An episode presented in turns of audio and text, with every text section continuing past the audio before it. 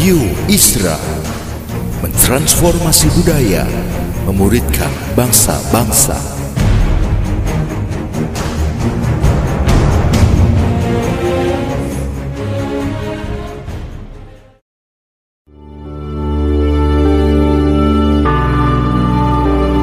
Apostolic Prophetic Messages mengungkapkan pesan dan arahan dari hati Tuhan bagi gerejanya demi menuntaskan mandat kerajaan Allah di Indonesia dan bangsa-bangsa.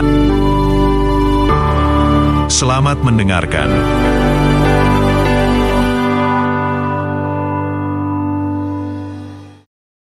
Sekalipun winter kayaknya membandel ya, kayaknya winter mengikuti kita terus ini. Sudah spring minggu keempat, uh, dinginnya tetap berasa winter ya. Tapi ya makanya attire kita tetap winter nih. Tapi ya kita bersyukur pada Tuhan bahwa kita tetap disertai Tuhan apa pun musimnya. Ya. In time and season Tuhan selalu ada bersama dengan kita.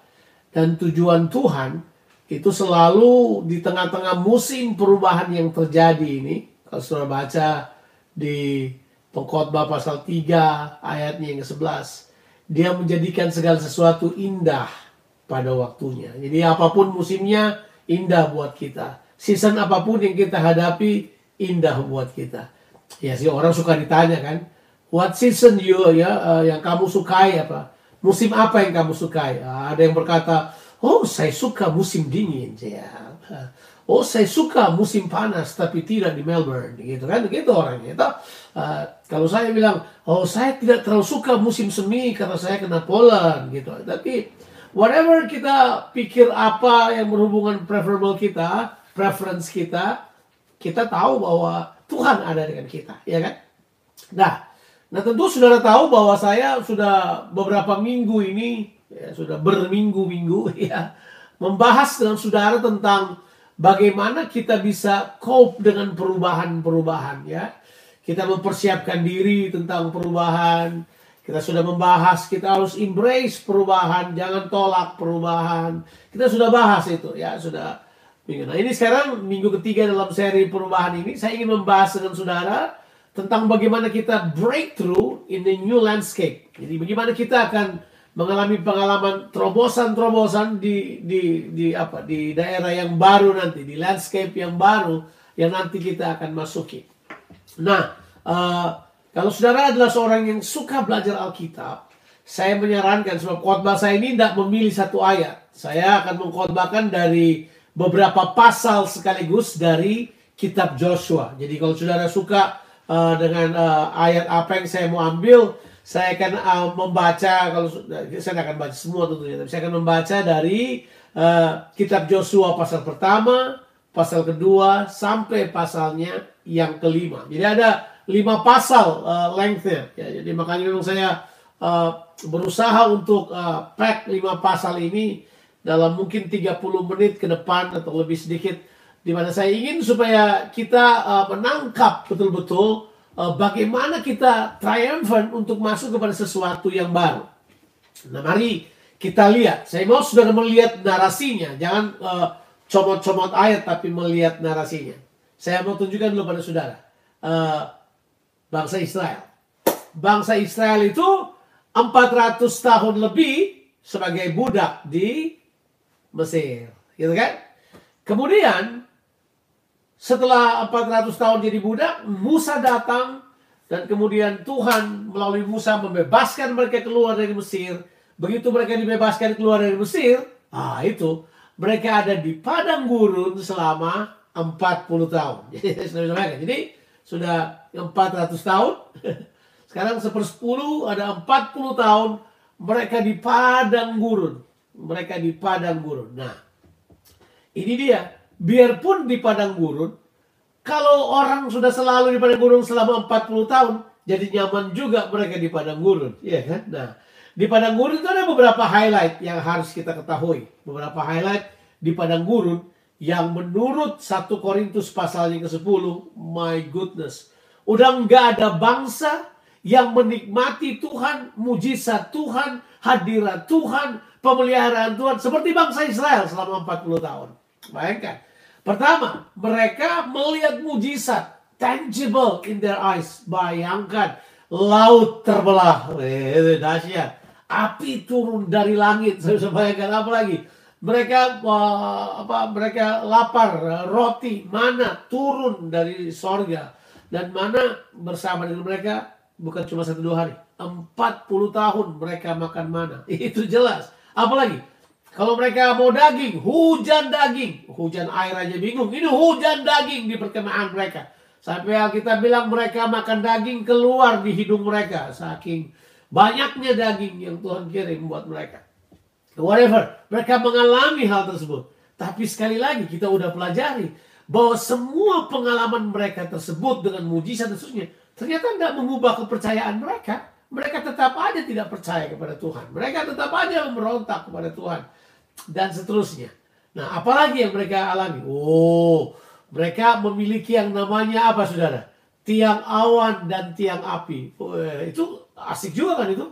itu wah, pergerakannya jelas tuh tiang awan gerak mereka gerak tiang awan tiang api berhenti mereka berhenti jadi in the movement mereka paling baru mereka terkini dia the cutting edge of the movement of God Tuhan bergerak mereka ikut Tuhan bergerak mereka jalan powerful luar biasa banget apalagi ada banyak hal yang sudah perhatikan terjadi di tengah-tengah mereka ada pemimpin-pemimpin dengan setup rules yang yang yang luar biasa yang Musa bawa kepada mereka. Jadi sebenarnya uh, by the time mereka ada di padang gurun, mereka sudah menjadi sudah berubah tuh dari satu kelompok orang menjadi satu bangsa umat pilihan Tuhan.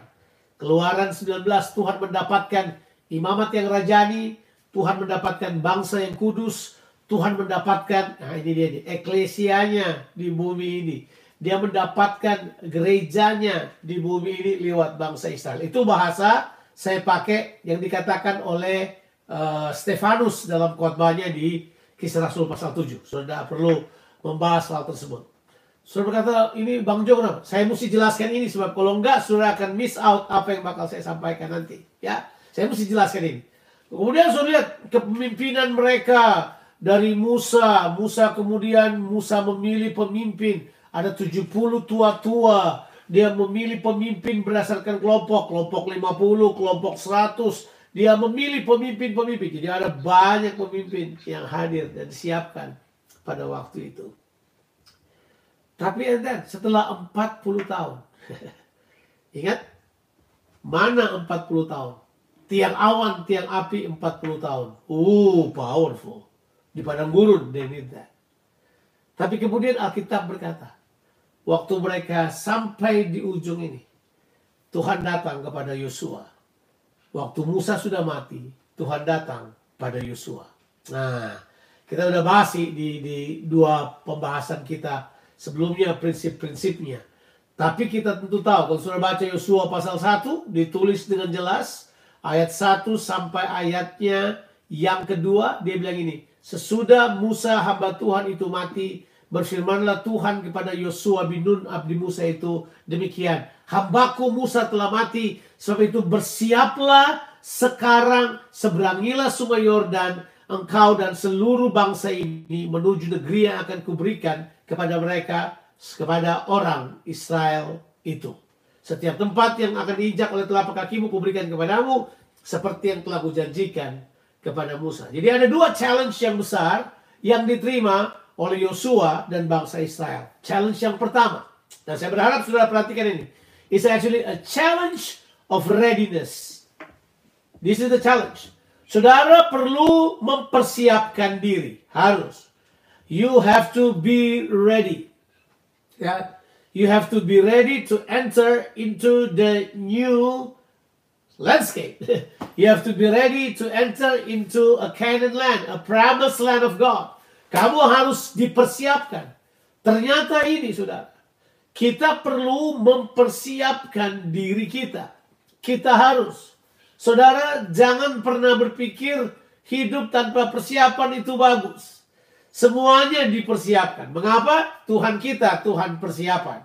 Tuhan mempersiapkan segala sesuatu. Dia atur semuanya. Saudara pun harus punya persiapan. miliki mentalitas mempersiapkan diri. A challenge to readiness ini adalah sesuatu yang perlu dimiliki oleh semua orang percaya di masa-masa sekarang. Ya, kita harus mempersiapkan diri kita. Kalau sudah baca dalam kitab Yosua, Yosua selalu memberitahukan orang percaya, orang-orang Israel. Dia selalu bilang begini, Hei kamu, kuduskan dirimu. Sebab besok Tuhan akan melakukan perkara-perkara yang besar. Artinya kita harus menguduskan diri kita. Kata menguduskan kan artinya gini, mengkhususkan diri kepada Tuhan. Kita khususkan hal tersebut. Sebab besok Tuhan akan mengerjakan perkara-perkara yang ajaib. Kata menguduskan diri di sini bukan berarti nggak nonton televisi, nggak baca koran, cuma doa puasa. Bukan itu yang saya maksudkan. Kata menguduskan diri di sini atau preparation ini adalah suatu sikap yang siap, suatu sikap yang tersedia, suatu sikap yang ready kalau kalau Tuhan mengerjakan sesuatu di tengah-tengah kita. Nah kita tentu tahu bahwa uh, kita sekarang juga seperti itu kan kita sedang mempersiapkan diri kita untuk masuk kepada new landscape, sesuatu yang baru di depan kita. Sekarang masih banyak, ah, ada banyak ketidakpastian kalau kita dengar media, kita dengar apa, ada banyak.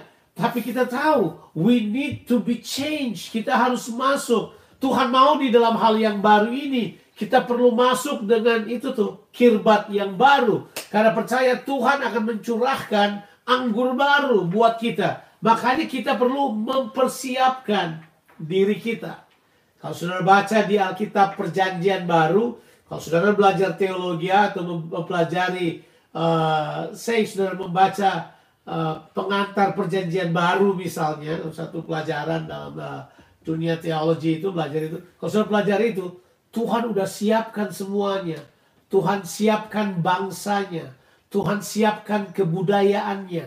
Tuhan siapkan platformnya. Bayangkan, waktu Yesus lahir, platformnya pada waktu itu adalah apa? Semua jalan menuju Roma. Pax Romana artinya itu. Jadi udah disiapkan. Tuhan siapkan kebudayaan. Kebudayaan yang ada adalah kebudayaan Yunani dan kebudayaan Romawi. Bahasa yang ada di zaman Yesus. Bahasa yang ada sampai tiga bahasa. Bahasa Aram atau Hebraik. Eh, bahasa Aram Hebraik itu. Arabic Hebraik kemudian bahasa Yunani, tapi juga bahasa Romawi. Dia siapkan hal tersebut. Tuhan mempersiapkan kelahiran raja. Tuhan mempersiapkan. Sebelum Yesus datang, Tuhan kirim Yohanes Pembaptis untuk mempersiapkan jalan bagi Tuhan. Semua Tuhan adalah Tuhan yang mempersiapkannya. Kapan-kapan kalau sudah baca Alkitab, kita mengerti betul bahwa tidak ada yang terjadi karena kebetulan. Semuanya telah dipersiapkan. Tuhan sudah mempersiapkan buat kita. Ah, kitanya mesti mempersiapkan diri. Waktu Tuhan mengerjakannya, kita nggak kaget, kita nggak menolak, kita kemudian tidak marah, tapi kita mempersiapkan diri kita. So that's a challenge of readiness. Kita perlu hal tersebut, ya. Kita perlu, kita perlu uh, ke depan kita perlu bersiap untuk berubah dalam banyak hal. Ya, berubah, kita sedang mengalami perubahan. Salah satu yang paling berubah apa kira-kira? Saya, saya, saya tadi pagi baru pikir-pikir loh. ya.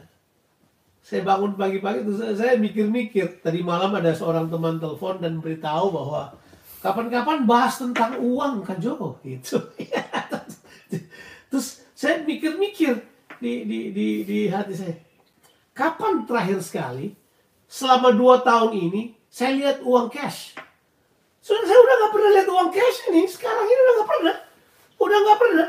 Saya sudah pernah lihat uang cash ini sudah saya dari uh, sekarang 18 bulan ini saya tidak pernah lihat uang cash. Saya mungkin cuma lihat uang cash one or twice saja. Ya, ya. Ada yang kasih uang cash ke kita itu aja. Terus kemudian kita nggak pegang lagi. Semuanya kita sekarang sistem wiring kan kita semuanya uh, itu udah nggak pakai itu lagi. Itu perubahan besar sekali kan. Kita juga udah tahu. Kita sudah ada itu. Jadi kemudian Uh, apa-apa yang udah diomong-ngomongin dulu sekarang sudah terjadi. Udah nggak usah pikir bahwa itu udah antikristus lah apa belum masih jauh. Udah nggak usah panik-panik dulu. Itu sistem. Jadi nggak usah nggak usah rasa aneh mengenai hal tersebut. Yang saya mau katakan pada saudara, kalau saudara mempersiapkan diri saudara dengan Tuhan, kapan pun antikristus mau datang ke ini mau ada ke saudara sudah siap paling tidak saudara dipersiapkan. Nah, yang kedua, setelah the challenge of uh, uh, readiness, yang kedua adalah a challenge to a responsibility. Kita sekarang a challenge to responsibility. Kita sekarang harus memiliki tanggung jawab. Kalau sudah perhatikan baik-baik, tanggung jawabnya simple. Kalau saya baca kitab Yosua, Tuhan gak suruh macam-macam buat dia. Tuhan cuma suruh tanggung jawabnya adalah ini. Dibilang buat Yosua. Kamu harus merenungkan firman Tuhan dan hidup sesuai dengan firman Tuhan. Aneh kan? Kok tanggung jawabnya cuma itu? Sebab jelas apa pun bisa berubah. Cuman firman Tuhan yang tidak berubah. Ya, itu jelas. Kalau sudah baca di Alkitab ya, either itu di perjanjian lama atau di perjanjian baru, sudah akan menemukan ada tiga hal yang pasti tidak berubah. Tidak berubah. Yang pasti Tuhan, dia tidak pernah berubah. Itu jelas. Pasti dia tidak akan pernah berubah itu. Dia Tuhan, ya kan? Dia tidak berubah. Ya. Yang kedua, apalagi yang tidak berubah? Kalau sudah mesti tahu. Ya. Yang tidak berubah itu adalah firman-Nya tidak berubah. Masih masih masih ingat statement ini? Langit dan bumi akan lenyap, tapi firman Tuhan akan tinggal kekal. Makanya kita di dalam perubahan demi perubahan ini kita perlu untuk apa? Untuk tinggal dalam firman Tuhan. Jelas. Makanya tanggung jawabnya Yosua adalah tanggung jawab untuk hidup di dalam firman Tuhan. Makanya dikatakan di pasal 1, kalau sudah baca Yosua pasal 1, semuanya hanyalah berkata tentang hal ini. Kuatkan dan teguhkan hatimu. Kuatkan dan teguhkan hatimu. Kuatkan dan teguhkan hatimu. Sesuai dengan apa? Sesuai dengan firman Tuhan. Kita mesti merenungkan firman Tuhan siang dan malam. Please be ready. Ya sudah kata, aduh boring, itu aja, itu lagi, itu lagi, itu lagi. Hey, that's the only way to prepare you. Saudara perlu terus belajar firman Tuhan. Jangan anggap remeh. Oke, okay, saudara boleh nonton khotbah di YouTube semau saudara. Saudara boleh nonton khotbah di IG semau saudara. Tapi saudara secara pribadi harus berjumpa dengan firman Tuhan. Saudara mengalami word encounter. Kebenaran berjumpa dengan kebenaran. Itu harus ada dalam kehidupan saudara. Itu. Apalagi yang kemudian sifatnya kekal di, di Alkitab. Apa? Kerajaannya kekal. Kerajaannya selain tidak tergoncangkan, dia kekal. His, his kingdom is eternal. Ya, kerajaannya kekal. Dan itu semua adalah bagian-bagian yang kekal. Itu tidak akan berubah, tidak akan tergoncang. Nah, kita mesti pintar. Ini kata yang saya pakai, kata pintar. Kita mesti bijak. Di tengah-tengah perubahan yang sangat cepat ini, kitanya harus berpegang kepada hal-hal yang tidak berubah. Hal-hal yang tetap steady forever. Kita harus berpegang kepada Tuhan dan karakternya. Berpegang pada firmannya. Kita harus hidup dalam kerajaannya. Alkitab kan berkata, semua bakal digoncangkan. Kita tidak. Karena kita menerima kerajaan yang tidak tergoncangkan. Karena kerajaan itu adalah kerajaan yang kekal. Ibrani pasalnya yang ke-12 ayatnya yang ke-25. Sudah sampai 28 sudah boleh baca ayat tersebut. Nah, kita mesti mesti mengerti prinsip ini. Orang nanti akan concern, ini dia, orang akan concern about making a living, ya. Ya, mereka mau concern about making a living, but they don't want to prepare their life. Itu dia. They want to make a living without a life. Bayangkan, itu aneh banget. Ya, kita mesti tahu kehidupan ada di dalam Tuhan. Kita perlu sekali untuk mengerti hal ini. Oke, nah sekarang kita uh, masuk dengan cepat kepada apa yang saya maksudkan. Setelah kita uh, punya mengerti dua tanggung jawab ini, saya mau saudara mempertimbangkan sikap yang perlu kita miliki.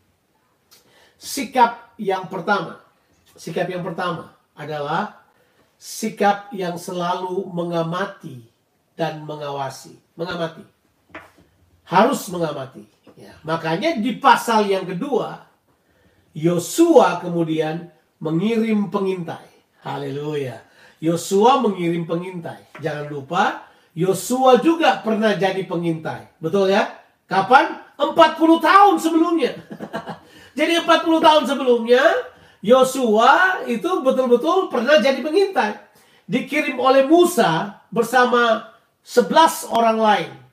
Yang pulang bawa report yang buruk itu ada 10 orang, hanya Joshua dan Caleb yang berkata bahwa kita dapat merebut tanah itu. 10 yang lain berkata begini, kita nggak bisa, mati kita. Nah, tapi setelah dia sudah buat 40 tahun yang lalu di Kades Barnea, sekarang dia ada di tepi sungai Yordan ini, dia, dia berkata, saya akan kirim pengintai lagi.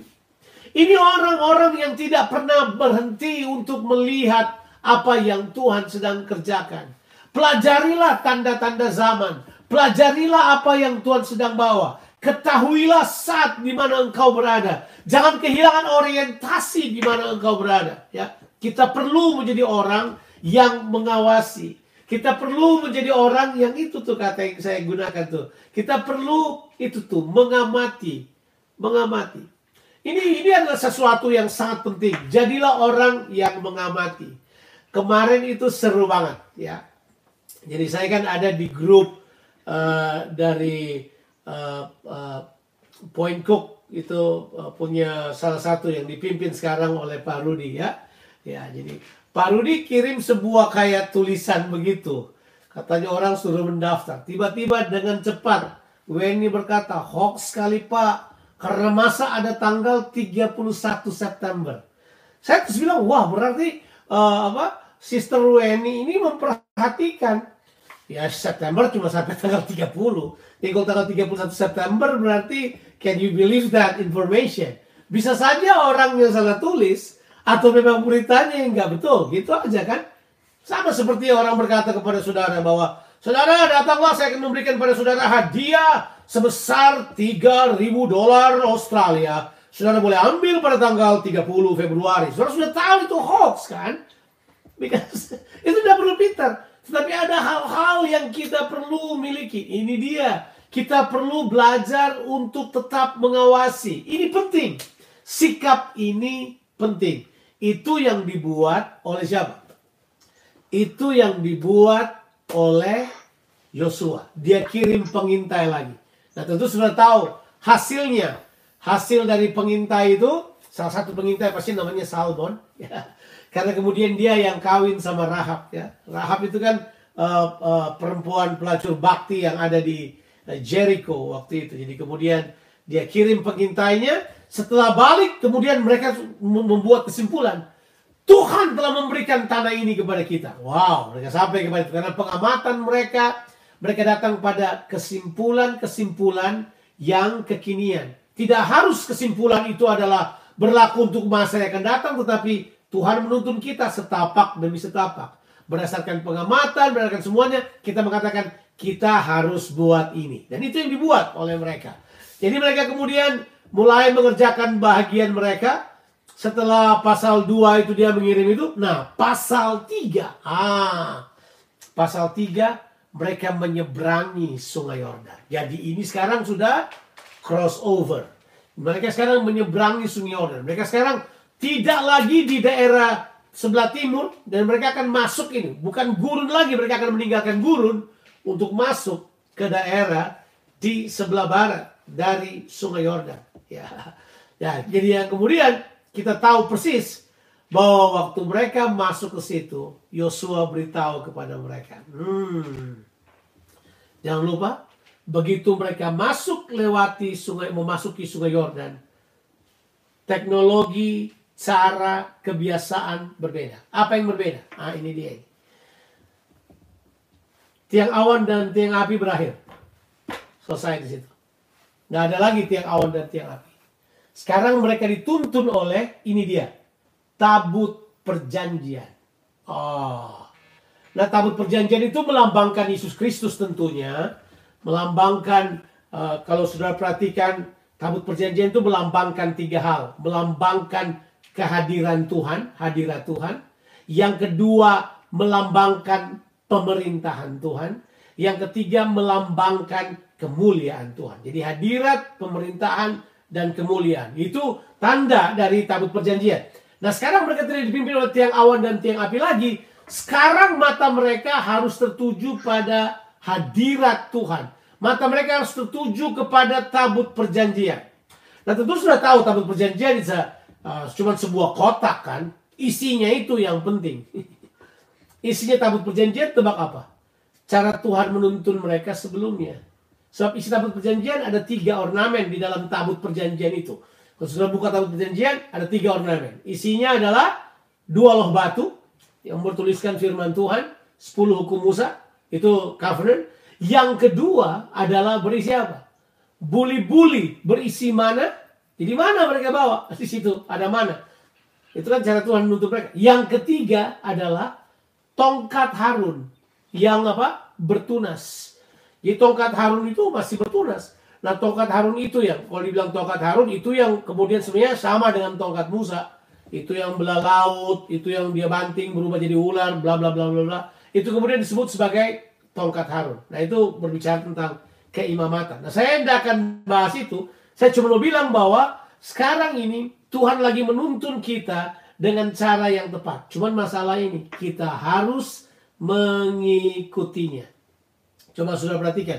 Itu dibilang kamu harus memandang. Saya mau kita baca uh, apa ayatnya yang ke dari pasalnya ketiga menyeberangi sungai Yordan ini.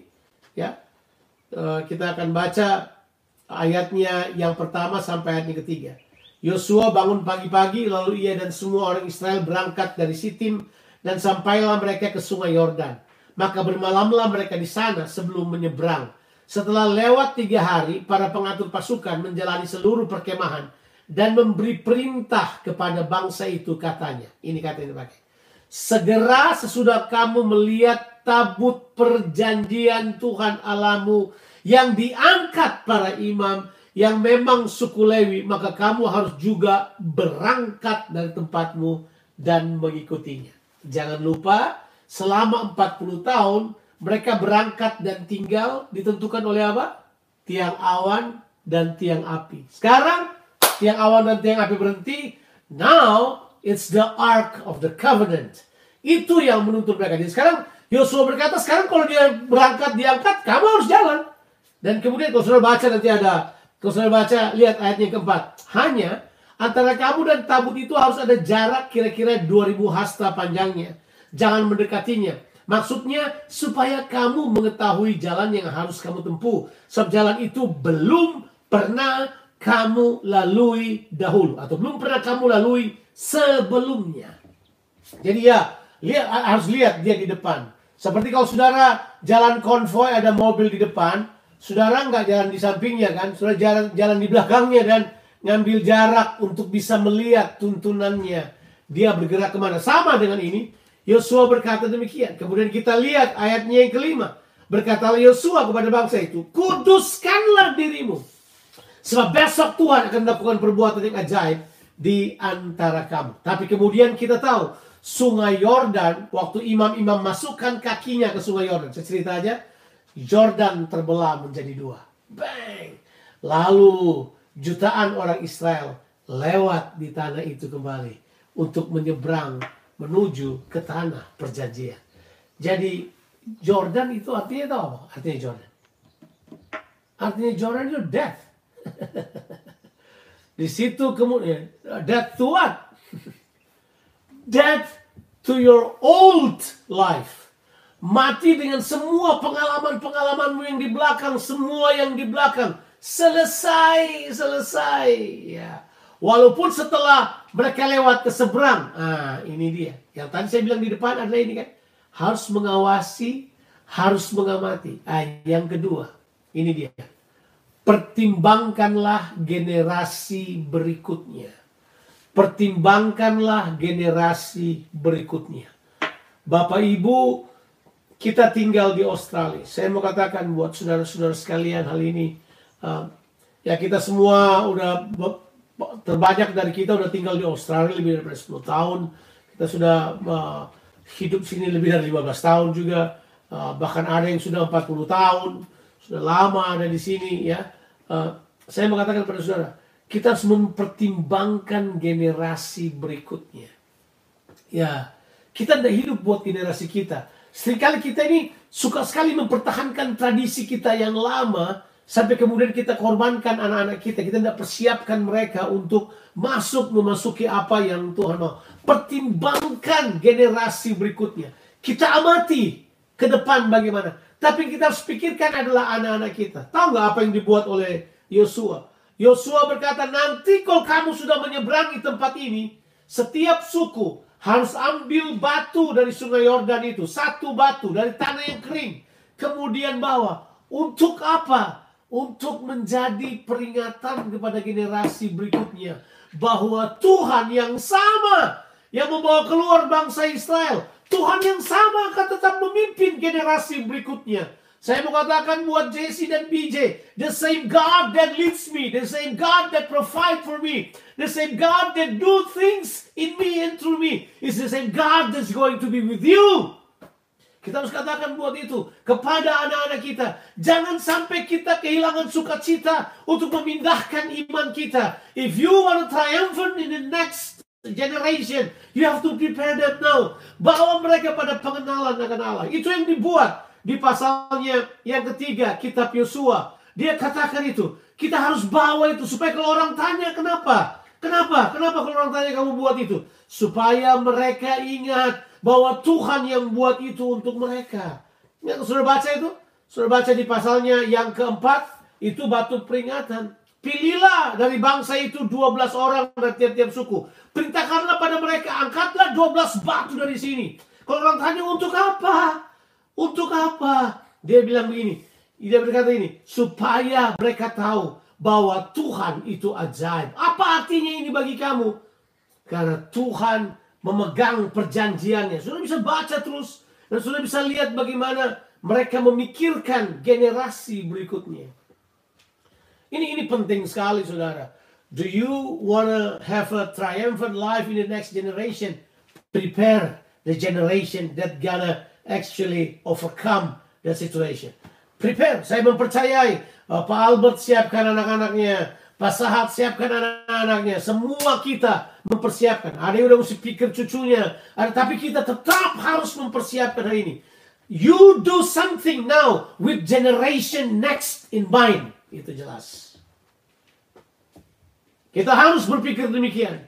Itu pasal 4. Sudah bisa baca seterusnya. Kalau dibaca, kalau sudah baca ayat yang ke-23 orang tanya, kenapa?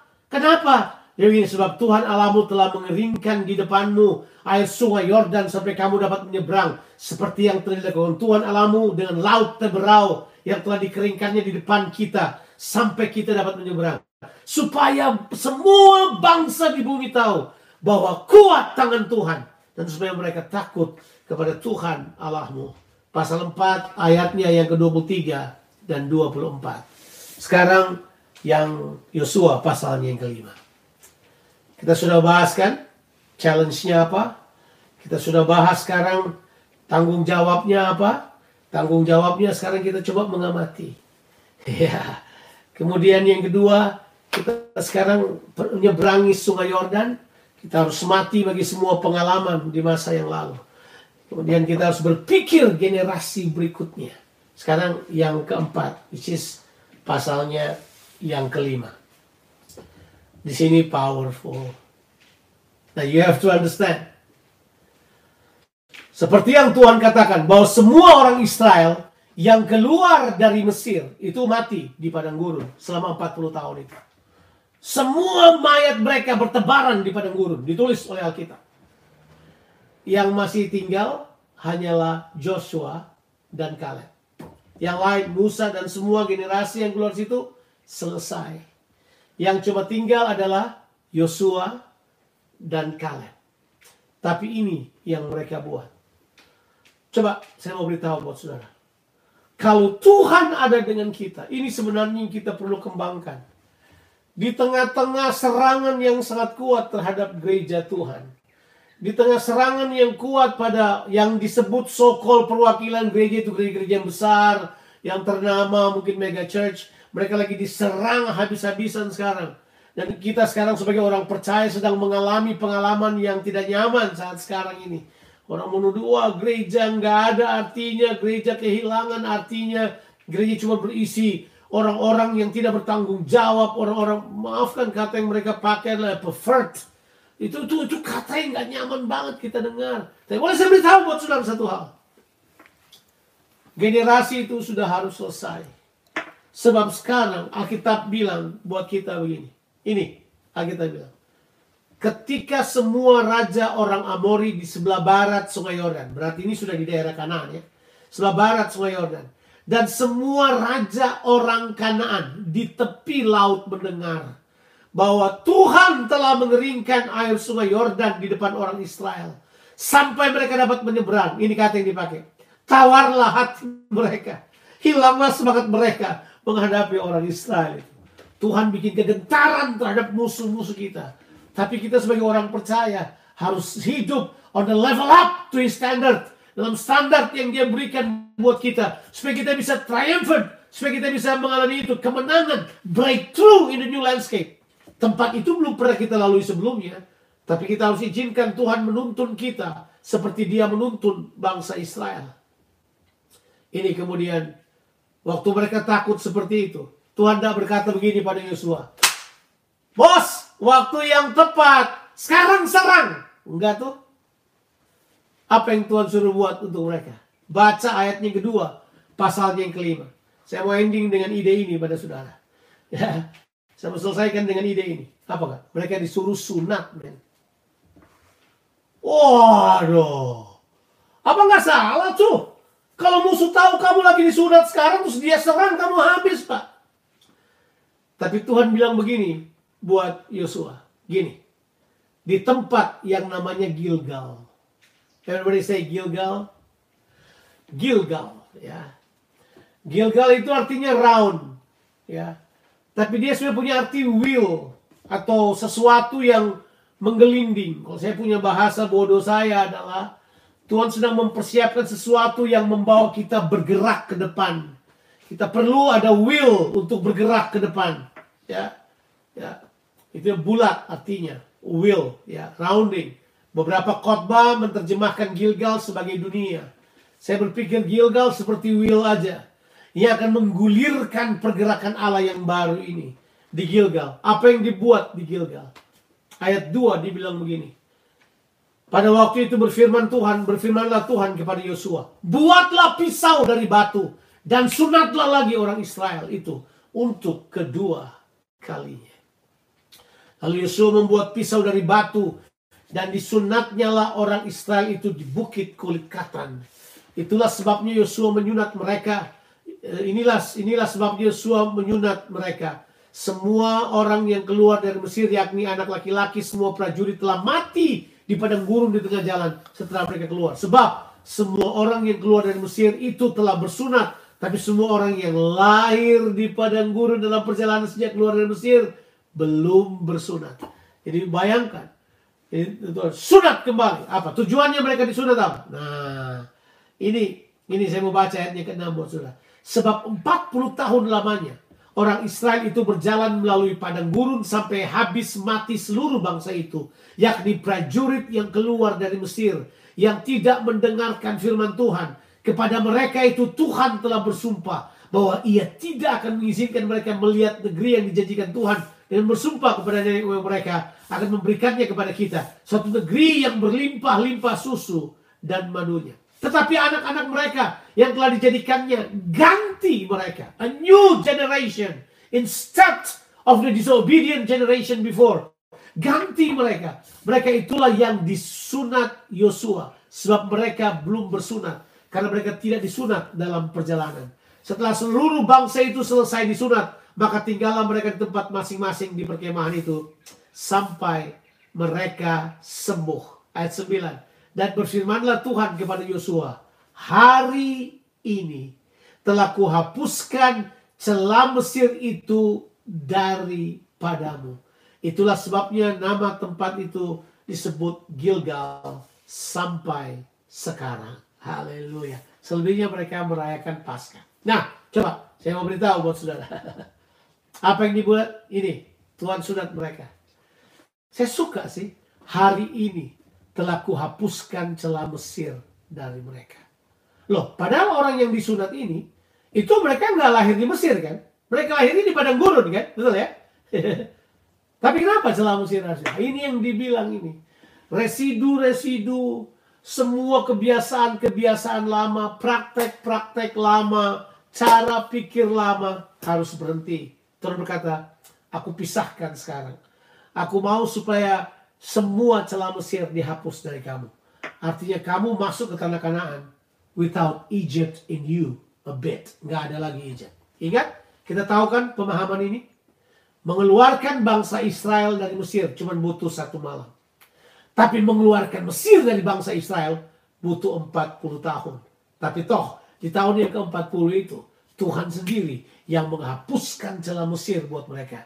Jadi nanti yang masuk ke tanah perjanjian, mereka tidak bisa comparing lagi tanah perjanjian dengan Mesir. Sebab Mesir udah selesai. It's past, behind. Tidak perlu lagi dipikirkan. Kalau sudah baca terus di akhir dari pasal 5. Ini yang saya mau katakan pada saudara. Ini. Yosua dekat Yeriko. Dia lagi melayangkan pandangannya. Tiba-tiba berdirilah malaikat Tuhan di depannya. Dengan pedang yang terhunus. Kemudian Yosua bertanya kepadanya. Kawankah engkau atau lawan? Dia jawab, bukan. Tapi akulah panglima. Bala tentara Tuhan. Sekarang aku datang.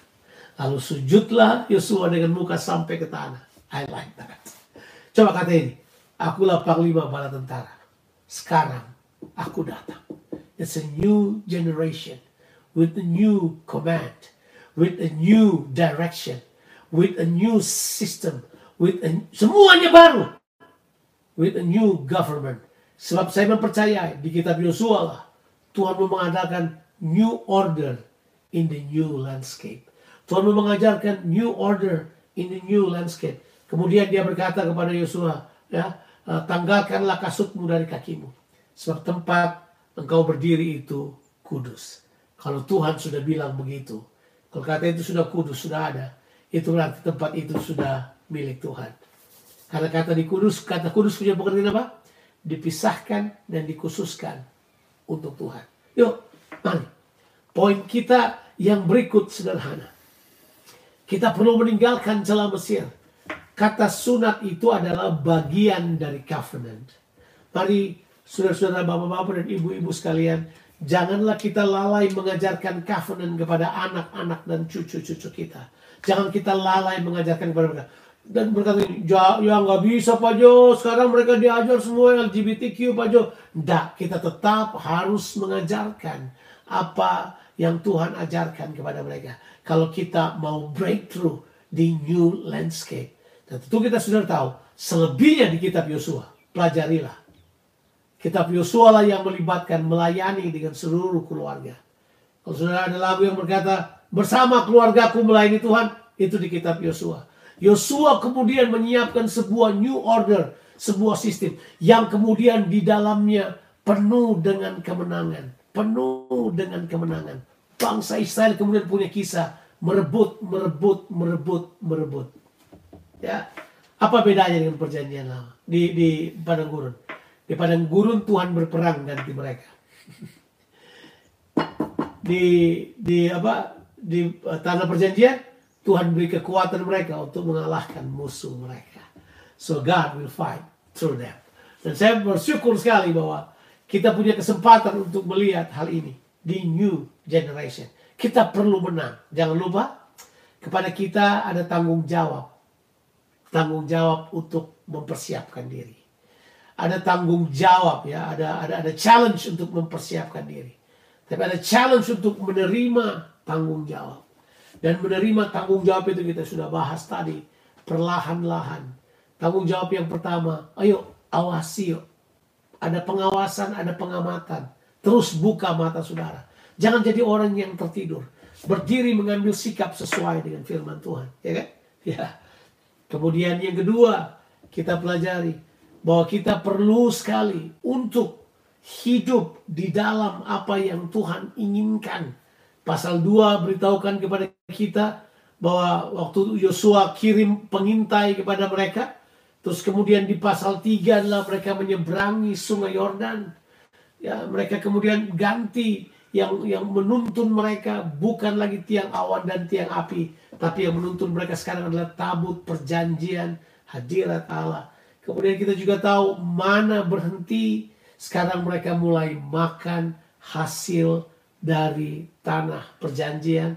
Kemudian kita tahu di pasalnya yang keempat, mereka mengerjakan sesuatu dan memikirkan generasi berikutnya. Mereka mengambil batu-batu peringatan tapi yang paling luar biasa dari semuanya adalah mereka memperbaharui covenant mereka dengan Tuhan yang mereka akan pindahkan kepada generasi baru. Generasi baru yang akan memimpin masuk pada tanah perjanjian. Nah, Tuhan Yesus memberkati kita sekalian. Mari persiapkan diri saudara. Tetap penuh dengan firman Tuhan. Karena firman Tuhan kekal adanya. Tuhan Yesus memberkati kita sekalian.